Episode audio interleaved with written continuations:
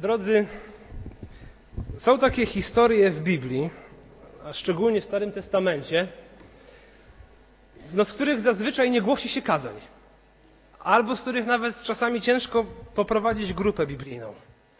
Takie historie, które są dla nas niezrozumiałe, można by powiedzieć, że czasami nawet nam się nie podobają.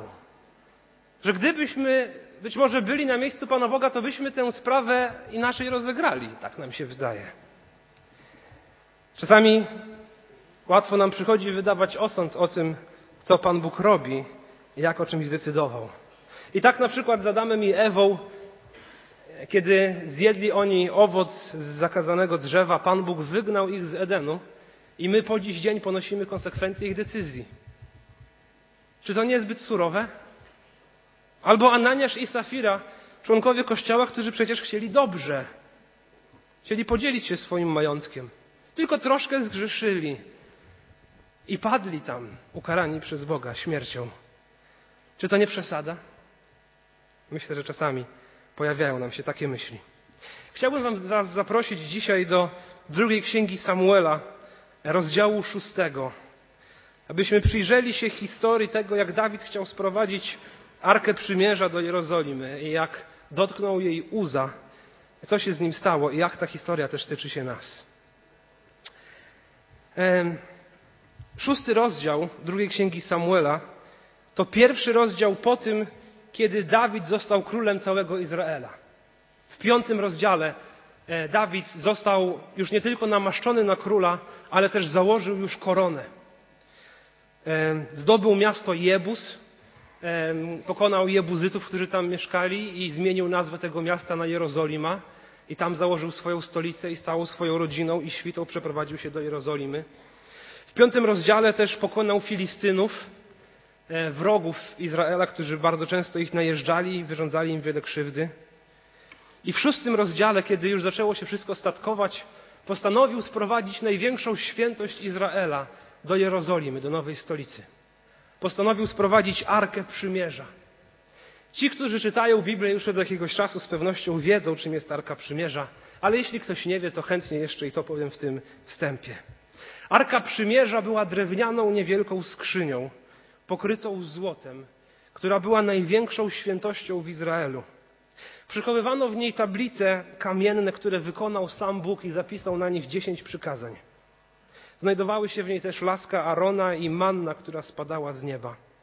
I ta skrzynia była obrazem Bożej obecności i Bożej świętości pośród narodu wybranego. W namiocie zgromadzenia i w świątyni znajdowała się w miejscu najświętszym, gdzie tylko raz do roku mógł wchodzić najwyższy kapłan i z nad tej arki Bóg przemawiał do tego kapłana. I ta arka e, przez kilkadziesiąt lat znajdowała się w domu Abinadaba.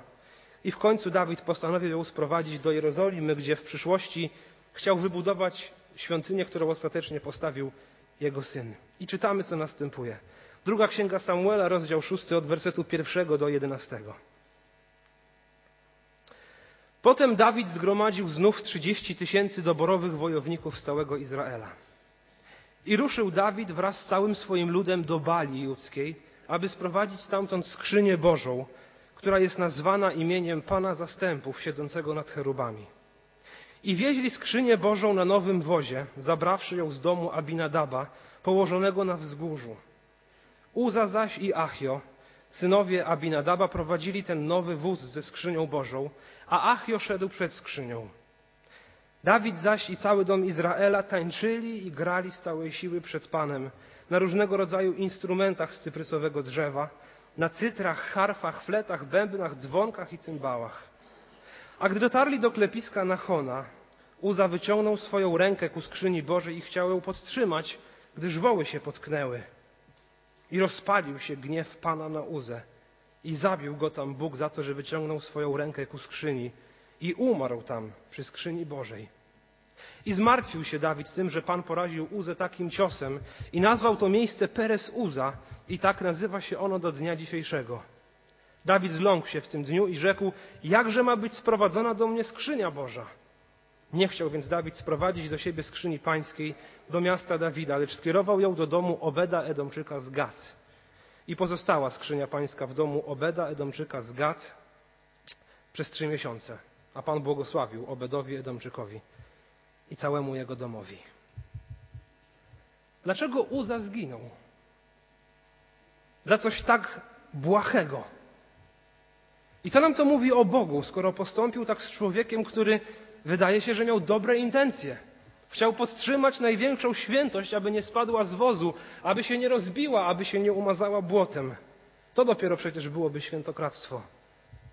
To Bóg każe śmiercią za dobre chęci w służbie dla Niego? Myślę, że to takie pytania, które naturalnie mogą nam się nasuwać. Więc przyjrzyjmy się bliżej temu tekstowi. Czytamy w pierwszym wersecie, że Dawid bierze ze sobą ogromną liczbę ludzi. Że zebrał sporą część swojej armii, wybrał tych najlepszych, doborowych wojowników, 30 tysięcy, to przecież miasto całe. I wybrali się oni do Bali Judzkiej, aby sprowadzić stamtąd skrzynię przymierza z Bali do Jerozolimy. To był dystans około 15 kilometrów, więc nie taki długi, bez problemu jednego dnia można było tam dojść i wrócić z powrotem. Oprócz wojska zapewne było tam też wiele ludu, może rodziny tych żołnierzy, i oni razem idą w bardzo radosnym pochodzie. Myślę, że jest to swego rodzaju parada wojskowa. Cieszą, cieszą się ze zwycięstwa w piątym rozdziale. W końcu pokonali Filistynów, którzy ich najeżdżali. Zwycięski pochód prowadzony przez najlepszych wojowników i przez samego króla. I wszyscy tańczą i cieszą się i grają na różnych instrumentach dla Bożej chwały. To musiało robić ogromne wrażenie. Tysiące ludzi, ogromny tłum, żołnierze, doborowi wojownicy i wszyscy pełni radości. Cel tej wędrówki jest bardzo istotny. Nic dziwnego, że się cieszą, bo jest z czego się cieszyć. Wszyscy oni wybrali się po skrzynię Bożą, która jest nazwana imieniem Pana Zastępów, siedzącego nad cherubami, jak mówi nam werset drugi. Pan Zastępów to tłumaczenie hebrajskiego Bożego imienia, które brzmi Jahwe Sabaot. Pan Zastępów. Zastępów wojskowych. To znaczy Bóg władający armią. Bóg generał. Bóg władający zastępami anielskimi. I tę skrzynię nazwaną imieniem Boga zastępów właśnie armia ziemska prowadzi. Myślę, że przyznając się, że oni właśnie temu Bogowi służą, pod tym dowództwem Boga się znajdują. E, Pan zastępów siedzący nad cherubami. Cherubini to anielskie stworzenia, istoty niebiańskie, które zajmowały się również oddawaniem Bogu chwały i taką szczególną służbą u Boga. Może na wiosnę będę chciał przygotować też kazanie w tym temacie istot niebiańskich.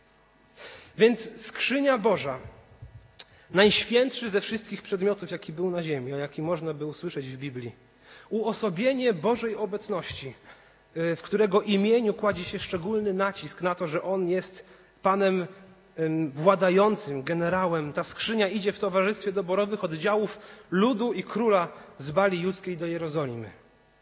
I czytamy dalej, wersety 3 do 5.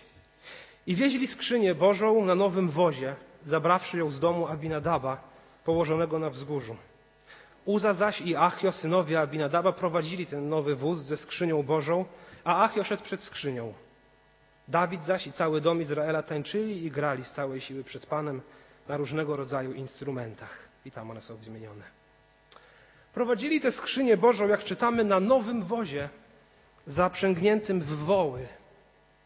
Ale drodzy, Pan Bóg bardzo jasno w swoim słowie określił, jak należy obchodzić się ze skrzynią Bożą. Pan Bóg bardzo często jasno objawia swoją wolę, jak chce, aby oddawano mu chwałę. W Księdze Liczb znajdujemy opis tego, co Bóg sobie życzył E, w związku z tymi e, świętościami. Księga Liczb, czyli czwarta Mojżeszowa, czwarty rozdział, przeczytam wersety od 1 do 6, a następnie werset 15. I przemówił Pan do Mojżesza i do Arona tymi słowy. Zrób spis synów Kehata spośród synów Lewiego, według ich rodzin i szczepów, od 30 do 50 roku życia, wszystkich zdatnych do służby, aby wykonywali pracę w namiocie zgromadzenia a do służby synów Kehata w namiocie zgromadzenia należeć będzie troska o rzeczy najświętsze. Gdy obóz będzie miał ruszyć, wejdzie Aaron ze swymi synami, zdejmą zakrywającą zasłonę i owiną w nią skrzynię świadectwa. Następnie położył na niej okrycie ze skór borsuczych, a na nim rozciągnął sukno z błękitnej purpury i założył drążki. I werset 15. Gdy tedy obóz będzie miał ruszyć, Aaron ze swoimi synami zakończy okrywanie świątynnych przedmiotów i wszystkich sprzętów świątynnych, a potem przystąpią kechatyci, aby je nieść. Lecz nie będą dotykać się świętych przedmiotów, aby nie zginęli. Taka jest służba synów Kehata przy namiocie zgromadzenia. Więc Pan Bóg objawił swoją wolę w bardzo jasny sposób. Powiedział, że spośród plemienia Lewitów, plemienia, które zajmowało się tylko służbą w świątyni, ma zostać wybrana jedna rodzina, ród Kehata, Kehatyci. I jedyne, czym ci Kehatyci mają się zajmować, tak długo jak będzie istniał ten naród, to mają się zajmować przenoszeniem namiotu zgromadzenia i wszystkiego, co w środku się znajduje. Powiedzielibyśmy niepozorna służba. Służba tragarzy. Może mało atrakcyjna. Drodzy, dla Pana Boga bardzo ważna. Nie lekceważmy żadnej służby. On sobie celowo wybrał jedną rodzinę, żeby oni tylko byli tragarzami i nosili te rzeczy. Jaka jest Twoja służba? Może wydaje się Tobie, że niewiele ważna. Jeśli Pan Bóg Ciebie do niej powołał, pełnij, ją rzetelnie. Sprawuj ją tak, jak potrafisz najlepiej. To Boże powołanie. Bóg będzie w tym uwielbiony, tak jak w każdej innej, jeśli jest wiernie prowadzona. Pan Bóg powiedział, że kechatyci mają nosić rzeczy święte, nie wozić, nosić.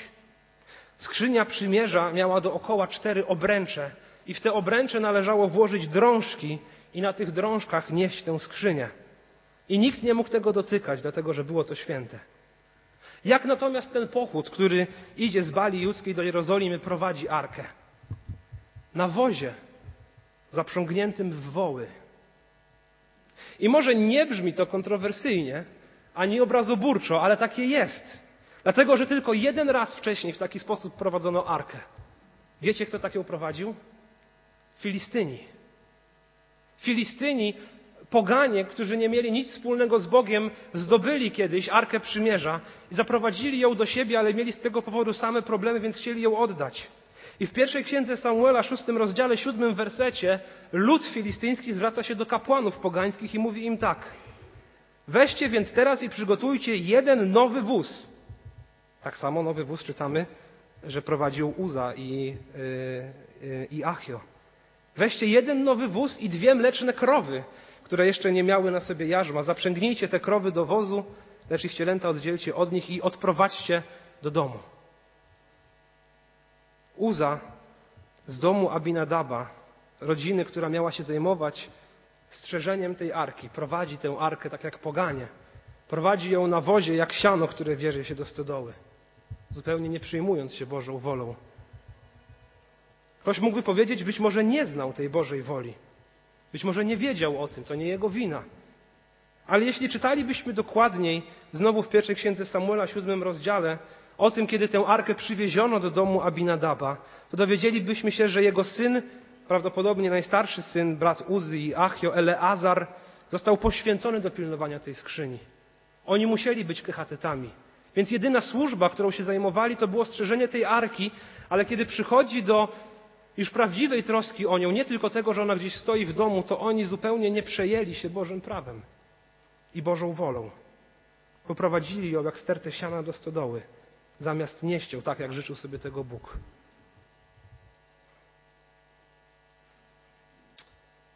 Zobaczcie, co dzieje się dalej, wersety szósty i siódmy. A gdy dotarli do klepiska Nachona, Uza wyciągnął swoją rękę ku skrzyni Bożej i chciał ją podtrzymać, gdyż woły się potknęły. I rozpalił się gniew Pana na Uzę. I zabił go tam Bóg za to, że wyciągnął swoją rękę ku skrzyni i umarł tam przy skrzyni Bożej. Więc w czasie tej wędrówki, bardzo radosnej i poświęconej Bogu, a jednak odbywającej się niezgodnie z Bożym zamiarem, woły gdzieś się potknęły, skrzynia się zachwiała i było ryzyko tego, że spadnie, więc Uza z dobrymi intencjami chce ją podtrzymać. Wyciąga swoją rękę, aby ją podeprzeć. I natychmiastowo ponosi śmierć, bo rozpalił się gniew Pana na Uzę. Drodzy, Boża wola przekazana w prawie zawierała jasne stanowisko, że nikt tego nie może dotykać. Nie było żadnych wyjątków, nie było żadnego możliwości, żadnej możliwości ominięcia procedury noszenia ją na drążkach. I Uza, który na co dzień miał do czynienia z arką, myślę, że o tym wiedział. Jego chęć pomocy i podparcia arki nie była zatem aktem heroizmu, ale była raczej aktem bezczelności i zignorowania Bożego nakazu. I jak pisze R.C. Sproul, wielki teolog protestancki, współczesny w swojej książce Świętość Boga, mówi tak. Uza założył, że jego ręka jest mniej skażona niż ziemia. Jednak bezcześcić arkę mogły nie gleba czy błoto, ale dotyk człowieka. Ziemia jest posłusznym stworzeniem. Robi to, co nakazuje jej Bóg. W odpowiednim czasie wydaje owoc, podlega ustanowionym przez Boga prawom natury, zamarza, gdy temperatura spadnie poniżej zera i rozmarza, kiedy wzrośnie powyżej zera. Jeśli z jej prochem zmiesza się woda, powstaje błoto, zgodnie z Bożym zamysłem. Ziemia nie jest autorką, autorką kosmicznej zdrady. Nie ma w niej nic skażonego, co innego człowiek. Co innego człowiek. Uza obszedł się błaho z Bożą świętością. Stąd Boże działanie, całkowicie sprawiedliwe i zrozumiałe, kiedy pojmiemy cały kontekst. Werset ósmy i zmartwił się Dawid tym, że Pan poraził Uzę takim ciosem. I nazwał to miejsce Peres Uza, czyli złamany Uza albo zniszczony Uza. I tak nazywa się ono do dnia dzisiejszego. Tłumaczenie Biblii, z którego czytam, mówi, że Dawid się zmartwił. Jednak z tego, co się dowiedziałem, przeczytałem, przygotowując się, dużo lepszym tłumaczeniem byłoby to, jak oddaje to Biblia Gdańska, która mówi: I Dawid był wielce niezadowolony, że Pan tak srogo poraził Uzę. Dawid był niezadowolony. Innymi słowy, Dawid rozgniewał się na Boga za to, że on tak postąpił. Nie podobało się to Dawidowi. Drodzy, czy i nam nie zdarza się rozgniewanie na Boga za to, że postępuje inaczej niż, niż byśmy tego oczekiwali? Czy nie zdarza nam się rozgniewanie na Boga za to, że przerwał On nasze wspaniałe święto, nasz taneczny i radosny pochód? Myślę, że Dawid mógł sobie pomyśleć: Boże, przecież my się cieszymy z Twojego działania. Nasza parada, nasza radość jest skierowana do Ciebie. Chcemy Tobie oddać chwałę, a Ty nam ten piękny czas w taki sposób przerywasz?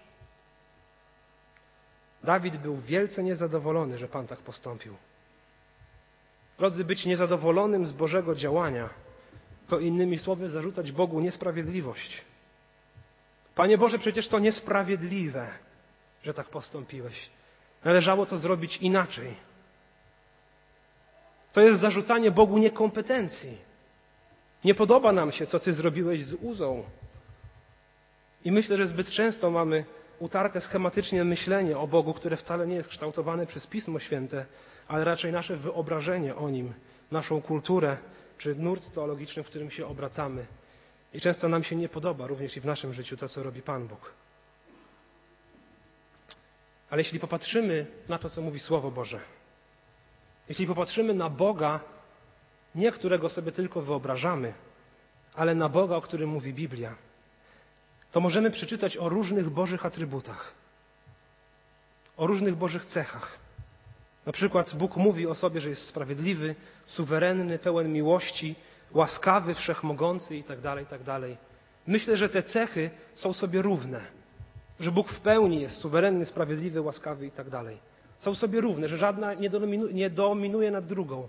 Ale jeśli którąś z Bożych cech można by wyznaczyć jako pierwszą z wszystkich pozostałych, może nie wyższą, ale pierwszą spośród wszystkich innych, Jestem przekonany, że byłaby to świętość Boża. Świętość Boża jako jedyna z Bożych cech jest podnoszona do trzeciej potęgi w Biblii. Anioły, serafy, istoty zgromadzone wokół tronu Bożego śpiewają nie tylko święty jest Bóg. Nie święty, święty, ale święty, święty, święty jest Pan zastępów. Cała ziemia jest pełna Jego chwały, jak śpiewały do Izajasza. Żadna inna cecha nie jest tak podawana. Nie śpiewają miłosierny, miłosierny, miłosierny, choć On jest miłosierny. Nie śpiewają łaskawy, łaskawy, łaskawy, choć On jest łaskawy. Śpiewają święty, święty, święty. Godzien jest naszego uwielbienia. Świętość Boża oznacza doskonałość. Oznacza, że Bóg jest bez jakichkolwiek uszczerbków czy zabrudzeń. Świętość oznacza brak jakiegokolwiek zła. Oznacza doskonałe dobro, doskonałą sprawiedliwość. Oznacza wszystko, co najlepsze i najdoskonalsze. I Bóg jest nazwany święty, święty, święty. Ta świętość dla niedoskonałego człowieka może być bardzo groźna. Adam i Ewa po jednym, powiedzielibyśmy, niedużym grzechu od zjedli zakazany owoc. Przecież to nic wielkiego, mogło się coś straszniejszego wydarzyć. Po jednym małym zabrudzeniu zostali wygnani sprzed Bożej obecności. Kiedy Bóg objawił się Mojżeszowi w płonącym krzaku i Mojżesz zaczął podchodzić, aby zbadać to zjawisko, to Bóg go powstrzymał i mówi: Nie podchodź bliżej i zdejmij swoje sandały, bo ziemia, na której stoisz, jest święta. I Mojżesz pada na kolana przed Bogiem. Niebezpieczne to dla Mojżesza było bliżej podchodzić do świętego Boga. A jednocześnie widzimy, że ten Bóg troszczy się o Mojżesza i chce wyratować naród izraelski i to Jego powołuje i mnóstwo łaski mu okazuje i troszczy się, mówiąc bliżej już nie podchodź. Kiedy Boża chwała pojawiła się przed Izajaszem, co czytaliśmy na początku nabożeństwa, on był przekonany, że umrze. Tak samo Ezechiel w pierwszym rozdziale padł na twarz i był jakby umarły. Boża świętość, myślę, że można by ją porównać do słońca. Nie ma w niej żadnej ciemności. Wszędzie tam, gdzie dociera, gdzie dociera promień słońca i gdzie dociera Boża świętość, tam wprowadza nowy porządek. Dzięki słońcu i światłu widzimy prawdziwych siebie. I dzięki Bożej świętości też widzimy prawdziwych siebie. Widzimy swoją twarz i to, jak w rzeczywistości wyglądamy. Gdyby nie słońce, bylibyśmy zupełnie nieświadomi swojego stanu i tak samo z Bożą świętością, gdyby nie ona, nie wiedzielibyśmy, jacy jesteśmy naprawdę. Ale jednocześnie ta świętość jest wielkim niebezpieczeństwem. Im bliżej jesteśmy słońca, tym łatwiej się spalić. Taki też jest cały sens Księgi Kapłańskiej, czyli trzeciej Księgi Mojżeszowej, która opisuje w Bożych oczach, co jest czyste i święte, a co nieczyste. I często przeskakujemy nad tą księgą dalej, bo nas to nudzi, ale celem tamtej księgi, która dla nas jest nudna, właśnie było ukazanie tego, że Bóg jest święty, a człowiek nie. I jeśli ma przyjść do świątyni, stanąć przed Bogiem, to musi się oczyścić, aby móc stanąć przed Bogiem. I było tam napisane, że jeśli dotknie czegoś nieczystego, na przykład jakiejś padliny, to cały staje się nieczysty i nie może przyjść do Boga. Nie tylko jego ręka czy palec, które tego dotknęły. Kiedy dotknie czegoś chorego, cały staje się nieczysty i musi, potrzebuje specjalnego oczyszczenia, by móc przyjść do Boga. Potrzebuje się obmyć, aby świętość Boża go nie pochłonęła. Więc wracając do naszej historii, kiedy Uza próbuje podtrzymać skrzynię przymierza, to po pierwsze już od samego początku łamie Boży nakaz mówiący o trosce o arkę i sposób, o, i sposób jej transportu, ale gdy ona się zachwiała, to on zupełnie ignoruje Bożą świętość i chce się spoufalić ze świętym Bogiem. Ignoruje Jego nakaz, więc nie jest on żadnym bohaterem, a raczej ignorantem, nie zdającym sobie sprawy z tego, z czym, a w zasadzie z kim ma do czynienia. A Dawid na to się gniewa. To raczej nie na Boga, a na siebie i swoją e, nierozważność powinien być rozgniewany. I ta historia kończy się następująco. Dawid zląkł się w tym dniu i rzekł, jakże ma być sprowadzona do mnie skrzynia Boża. Nie chciał więc Dawid sprowadzić do siebie skrzyni pańskiej do miasta Dawida, lecz skierował ją do domu Obeda Edomczyka z Gad i pozostała skrzynia pańska w domu e, Obeda Edomczyka z Gad przez trzy miesiące, a Pan Bóg błogosławił Obedowi Edomczykowi. Dawid się przestraszył Bożej świętości. Dawid mówi, jakże ja mam zabrać tą skrzynię do siebie? Nie, nie, nie. Jeszcze ja bym jej dotknął. I stałoby się ze mną to samo, co z Uzą. Więc trochę jak kukułcze jajo, niechciany problem, podrzuca ją Obedowi. A Pan Bóg zaczyna błogosławić dom Obeda. I po trzech miesiącach Dawid wraca z całym tym tłumem i wtedy już tą skrzynię sprowadzają do, Izrael, do Jerozolimy, a gdybyśmy czytali ten fragment, to widzielibyśmy, że wtedy niosą już ją na drążkach w zupełnie innych okolicznościach i z innym szacunkiem. Jak to wszystko ma się do nas? Drodzy, Pan Bóg się nie zmienił. Czasami, kiedy trafiamy na taką historię jak ta, niektórzy mówią, a to był Stary Testament, dzisiaj jest inaczej, dzisiaj jest Nowy Testament. Tak jakby Stary i Nowy mówił o dwóch różnych bogach. Albo tak jakby Pan Bóg po księdze Malachiasza stwierdził, nie, nie, taki jednak nie chcę być, będę inny. Bóg jest dalej taki sam. Czy przejmujemy się Bożą świętością? Czy raczej mamy w swojej głowie obraz takiego pluszowego Boga? Boga oswojonego. Boga politycznie poprawnego, dopasowanego do naszej kultury i naszego światopoglądu. Bo myślę, że zapominamy dzisiaj często o Bożej świętości. I coraz częściej zamieniamy Boga świętego na przyjacielskiego. I oczywiście to jest prawda, o czym zaraz będę chciał dalej powiedzieć. Ale często ten jeden obraz przysłania nam zupełnie ten drugi, przez co mamy nieprawdziwy obraz Boga. I Ewangelia o Jezusie Chrystusie, dobra nowina. Jezus tam mówi: Nie nazywam was już sługami, nazywam was przyjaciółmi. I to jest prawda. I Bóg jest naszym przyjacielem, jeśli jesteśmy w Jezusie Chrystusie. Ale jednocześnie jest też święty, święty, święty. I bardzo łatwo mi o tym zapomnieć. W Nowym Testamencie Pan Bóg działa tak samo. Wiecie, kiedy w Nowym Przymierzu, tak, w którym dzisiaj żyjemy, jesteśmy bardzo blisko Bożej świętości, a jednocześnie mam wrażenie, że niesamowicie błaho to traktujemy? W Wieczerzy Pańskiej. Jeden z tekstów Nowego Testamentu mówiący o Bożym karaniu za spoufałość, czytany przynajmniej raz w miesiącu tutaj w kaplicy za tego stołu.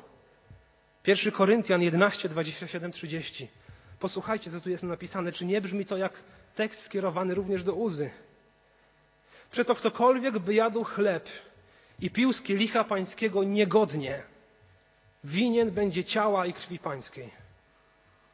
Niechże więc człowiek samego siebie doświadcza i tak niech je z chleba tego i z kielicha tego pije. Albowiem kto je i pije niegodnie, nie rozróżniając ciała pańskiego, sąd własny je i pije. Dlatego jest między wami wielu chorych i słabych, a nie mało zasnęło.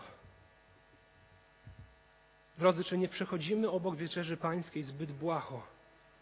Czy nie stała się ona dla nas tylko jakimś tam symbolem i obrzędem kościelnym, który odprawiamy w pierwszą niedzielę miesiąca? Czy zastanawiamy się i przeżywamy to, kiedy przystępujemy do stołu pańskiego?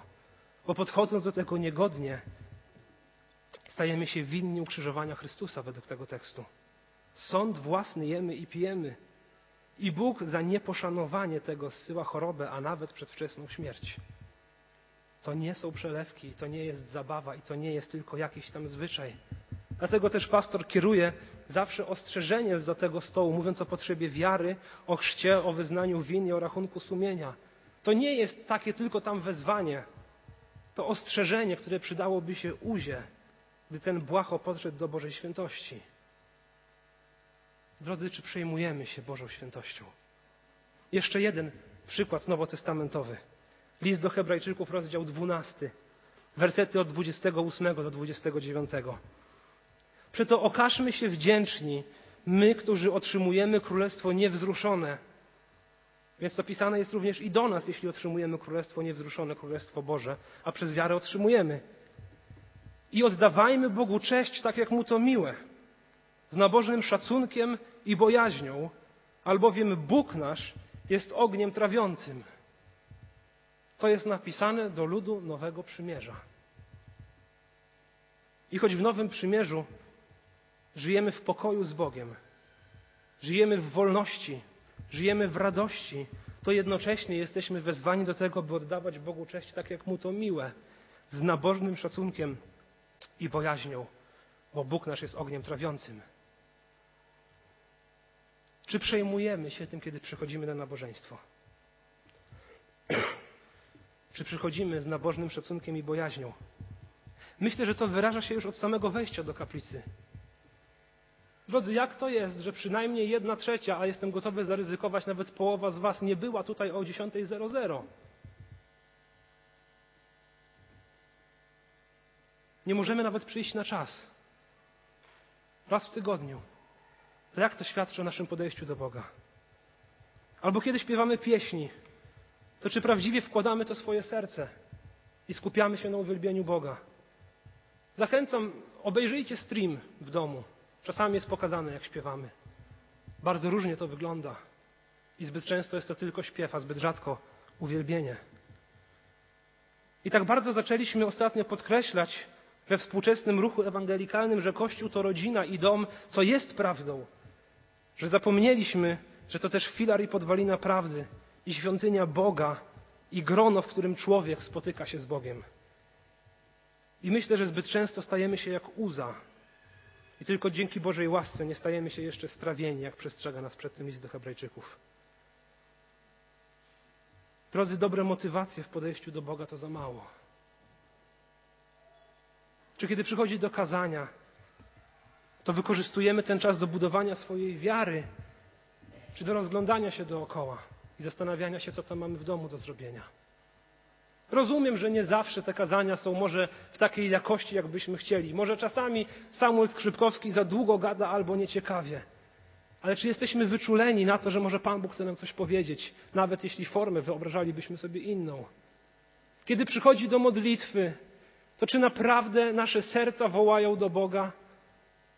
Czy jest to po prostu czas, który trzeba przeczekać, ktoś tam się może odezwie, ze 20 osób stałych, znaczy ktoś z grona 20 osób, 20 to chyba się jeszcze nie zdarzyło. Więc przeczekamy, potem będzie kazanie, posłuchamy, pośpiewamy, jakiś tam ochłap rzucimy, który nam się pląta gdzieś po kieszeniach Panu Bogu i pójdziemy zadowoleni do domu. Wiem, że to jest przyrysowane. Wiem, że mówię może bardzo ostro. Wielu z Was znam doskonale i wiem, że jesteście tym przejęci. Ale badajmy swoje serca, drodzy. Czy przejmuje nas Boża świętość? Czy oddajemy Bogu cześć tak, jak Mu to miłe, z nabożnym szacunkiem i bojaźnią? Czy podchodzimy do Boga tak, jak On sam sobie tego życzy i tak, jak nam to objawia w swoim słowie? Dobre motywacje to za mało. I albo się nim przejmujemy i przejmujemy się Jego wolą Jego słowem i Jego prawdą, albo nasze dobre motywacje są nic nie warte. Cały ten tłum, który szedł z Dawidem, przecież zgromadził się dla Bożej chwały. Śpiewali i tańczyli dla Bożej chwały, cieszyli się z Bożego działania, a jednocześnie w swych dobrych motywacjach nie przejęli się Jego wolą. I Pan Bóg bezpośrednio ukarał za to tylko Uzę, który pewnie umierał z radosnym sercem, a jednak umierał z powodu swojego grzechu. I nie chcę brzmieć świętoszkowato, Naprawdę to kazanie bardzo mocno przeżyłem w tym tygodniu. Naprawdę Pan Bóg pokazał mi mnóstwo, mnóstwo rzeczy, nad którymi muszę pracować. Mnóstwo rzeczy, gdzie ja często podchodzę błaho do Bożej świętości i Bożej prawdy. I ta historia Uzy i mnie doprowadziła do pokuty. I wiem, że jeśli nie Boża łaska, to powinno mnie spotkać to samo, co Uzę. Ale drodzy, zmierzając do końca, historia nie kończy się Historia, Biblia nie kończy się na drugiej księdze Samuela. Biblia przechodzi też do Nowego Testamentu i Ewangelii i przesłania dobrej nowiny. Stary Testament, a szczególnie Pięcioksiąg, pokazuje nam, że od pierwszego grzechu w Edenie ludzie są coraz gorsi i stają się galopującym złem. I Pan Bóg daje prawo, aby człowiek, e, aby pokazać nam, że człowiek sam z siebie nie może dojść do Boga. Daje jasne instrukcje, których człowiek nie potrafi wypełnić. Mówi bardzo jasno, co jest czyste, a co nieczyste i co należy robić, aby mu się podobać, ale człowiek tego nie umie. I Bóg wzywa, mówiąc: Świętymi bądźcie, bo ja jestem święty. I cały Stary Testament to jest niemożność dojścia człowieka do świętego Boga. Ale trafiamy też w Starym Testamencie między innymi na Księgę Ezechiela. I Ezechiel otrzymuje od Boga wizję, w której widzi nową świątynię, świątynię przyszłości, świątynię doskonałą. Mówiłem o tym w pierwszą niedzielę wakacji 2019 roku, być może ktoś z Was jakoś o tym pamięta. Jest tam obraz tego, że ze świątyni, z miejsca najświętszego wypływa woda, wypływa rzeka. I im dalej ona płynie, tym staje się głębsza, i im dalej płynie, oczyszcza wszelki brud, na który trafia. I drzewa zaczynają kwitnąć i w końcu wpływa do morza, które jest martwe, gdzie są martwe istoty i kiedy ta woda tam dopływa, ożywia wszystko, co w tym morzu jest. Wierzę, że to jest właśnie zapowiedź Jezusa Chrystusa i dobrej nowiny. W Starym Przymierzu człowiek, aby przyjść do Boga, musiał się oczyścić. W Nowym Przymierzu to Pan Bóg z miejsca Najświętszego, ze swojego tronu, który jest w niebie, posyła Jezusa Chrystusa. I On przychodzi na ten grzeszny świat i kiedy dotyka chorych, którzy byli chorzy na choroby, które sprawiały, że oni są nieczyści, to kiedy Jezus ich dotyka, on nie staje się nieczysty, ale oczyszcza tych, których dotknął. I przychodzi do grzeszników, z którymi nikt nie chciał przebywać, i kiedy oni odchodzą od niego, to odchodzą wolni od swoich grzechów. I gdziekolwiek się pojawiał, tam przynosił życie, tam przynosił oczyszczenie, tam przynosił radość, tam przynosił owocowanie. I zostawił nam dobrą nowinę. Posłał swoich apostołów, a dzisiaj posyła i nas, abyśmy tę wieść nieśli dalej, aby ta rzeka Ewangelii wypływająca sprzed Bożego tronu roznosiła się po całym świecie i dopływała wszędzie, gdzie tylko może i tam ożywiała. Abyśmy nie musieli obawiać się Bożej świętości ale abyśmy mogli oczekiwać Bożej świętości. Że kiedy umrzemy i będziemy już wolni od całego naszego grzechu, to będziemy mogli stanąć tuż przy naszym Bogu. Stanąć prawdziwie przy naszym przyjacielu, przy naszym wybawcy, przy naszym generale, przy Panie zastępów. Ewangelia jest lekarstwem na strach przed Bożą świętością. Gdyż wszyscy zgrzeszyli i brak im chwały Bożej i są usprawiedliwieni darmo z łaski Jego przez odkupienie w Chrystusie Jezusie, którego Bóg ustanowił jako ofiarę przebłagalną przez krew Jego, skuteczną przez wiarę, dla okazania sprawiedliwości swojej przez to, że w cierpliwości Bożej pobłażliwie odniósł się do przedtem popełnionych grzechów, dla okazania sprawiedliwości swojej w teraźniejszym czasie, aby On sam był sprawiedliwym i usprawiedliwiającym tego, tego który, który wierzy w Jezusa. Gdzież więc Twoja chluba? Wykluczona. Przez jaki zakon? Przez jakie prawo? Uczynków? Bynajmniej. Przez zakon wiary. Uważamy bowiem, że człowiek bywa usprawiedliwiony przez wiarę, niezależnie od uczynków prawa. Drodzy, jest zbawienie, jest ratunek. I świętość Boża nie musi być dla nas odpychająca, ale staje się pociągająca. I kiedy słyszymy wezwanie świętymi bądźcie, bo ja jestem święty, to chcę stawać się święty dla Bożej chwały. I być jeszcze bliżej, i jeszcze bliżej, i jeszcze bliżej. Nie, aby ta świętość mnie poraziła, aby, ale aby lgnąć do niej, jak do prawdziwego ciepła i prawdziwego życia. On jest święty, święty, święty. Kocha człowieka i daje mu ratunek od jego grzeszności w Jezusie Chrystusie. Czy jesteś czysty? Czy jesteś czysty, uwolniony od swojego grzechu? Przeraża Ciebie świętość Boża, czy pociąga Ciebie świętość Boża? To pytanie, które musisz sobie zadać. Drodzy, ja chcę być z Nim w Jego świętości i wierzę, że będę. W żaden sposób sobie na to nie zasłużyłem.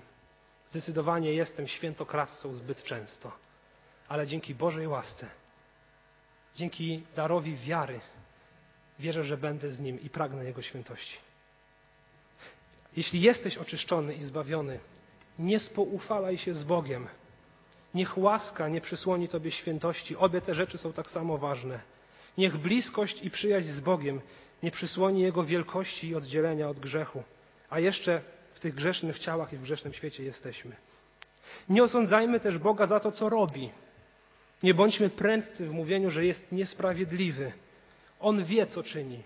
Jeśli ktoś jest niesprawiedliwy, to nasze osądy i nasze prędkie myśli, a nie jego działanie. Troszczmy się o Bożą świętość i o prawdę objawioną w Jego Słowie. Nie lekceważmy i nie traktujmy jak błahostki Bożej świętości, czy to w naszej codzienności, czy na nabożeństwie. Traktujmy bardzo poważnie wieczerzę pańską i miejmy w głowie te słowa ostrzeżenia, które uzie by się przydały, a do nas są kierowane. Traktujmy poważnie nasze zgromadzenia i nabożeństwa. Niech one będą pełne radości, jak tamten pochód. Niech one będą pełne wolności, jak tamten pochód, ale jednocześnie też niech będą wyrazem szacunku i czci do Boga. I bądźmy też nieskończenie wdzięczni za Ewangelię za Boży ratunek i za Bożą miłość i za oczyszczanie nas od grzechów. Bóg jest święty, święty, święty i pełen łaski i pełen miłości okazanej nam w Jezusie Chrystusie. Więc cieszmy się z tego w naszych modlitwach, w naszych pieśniach, w naszej codzienności i jednocześnie pamiętajmy o tym, z kim mamy do czynienia. Świętym Bogiem. Amen.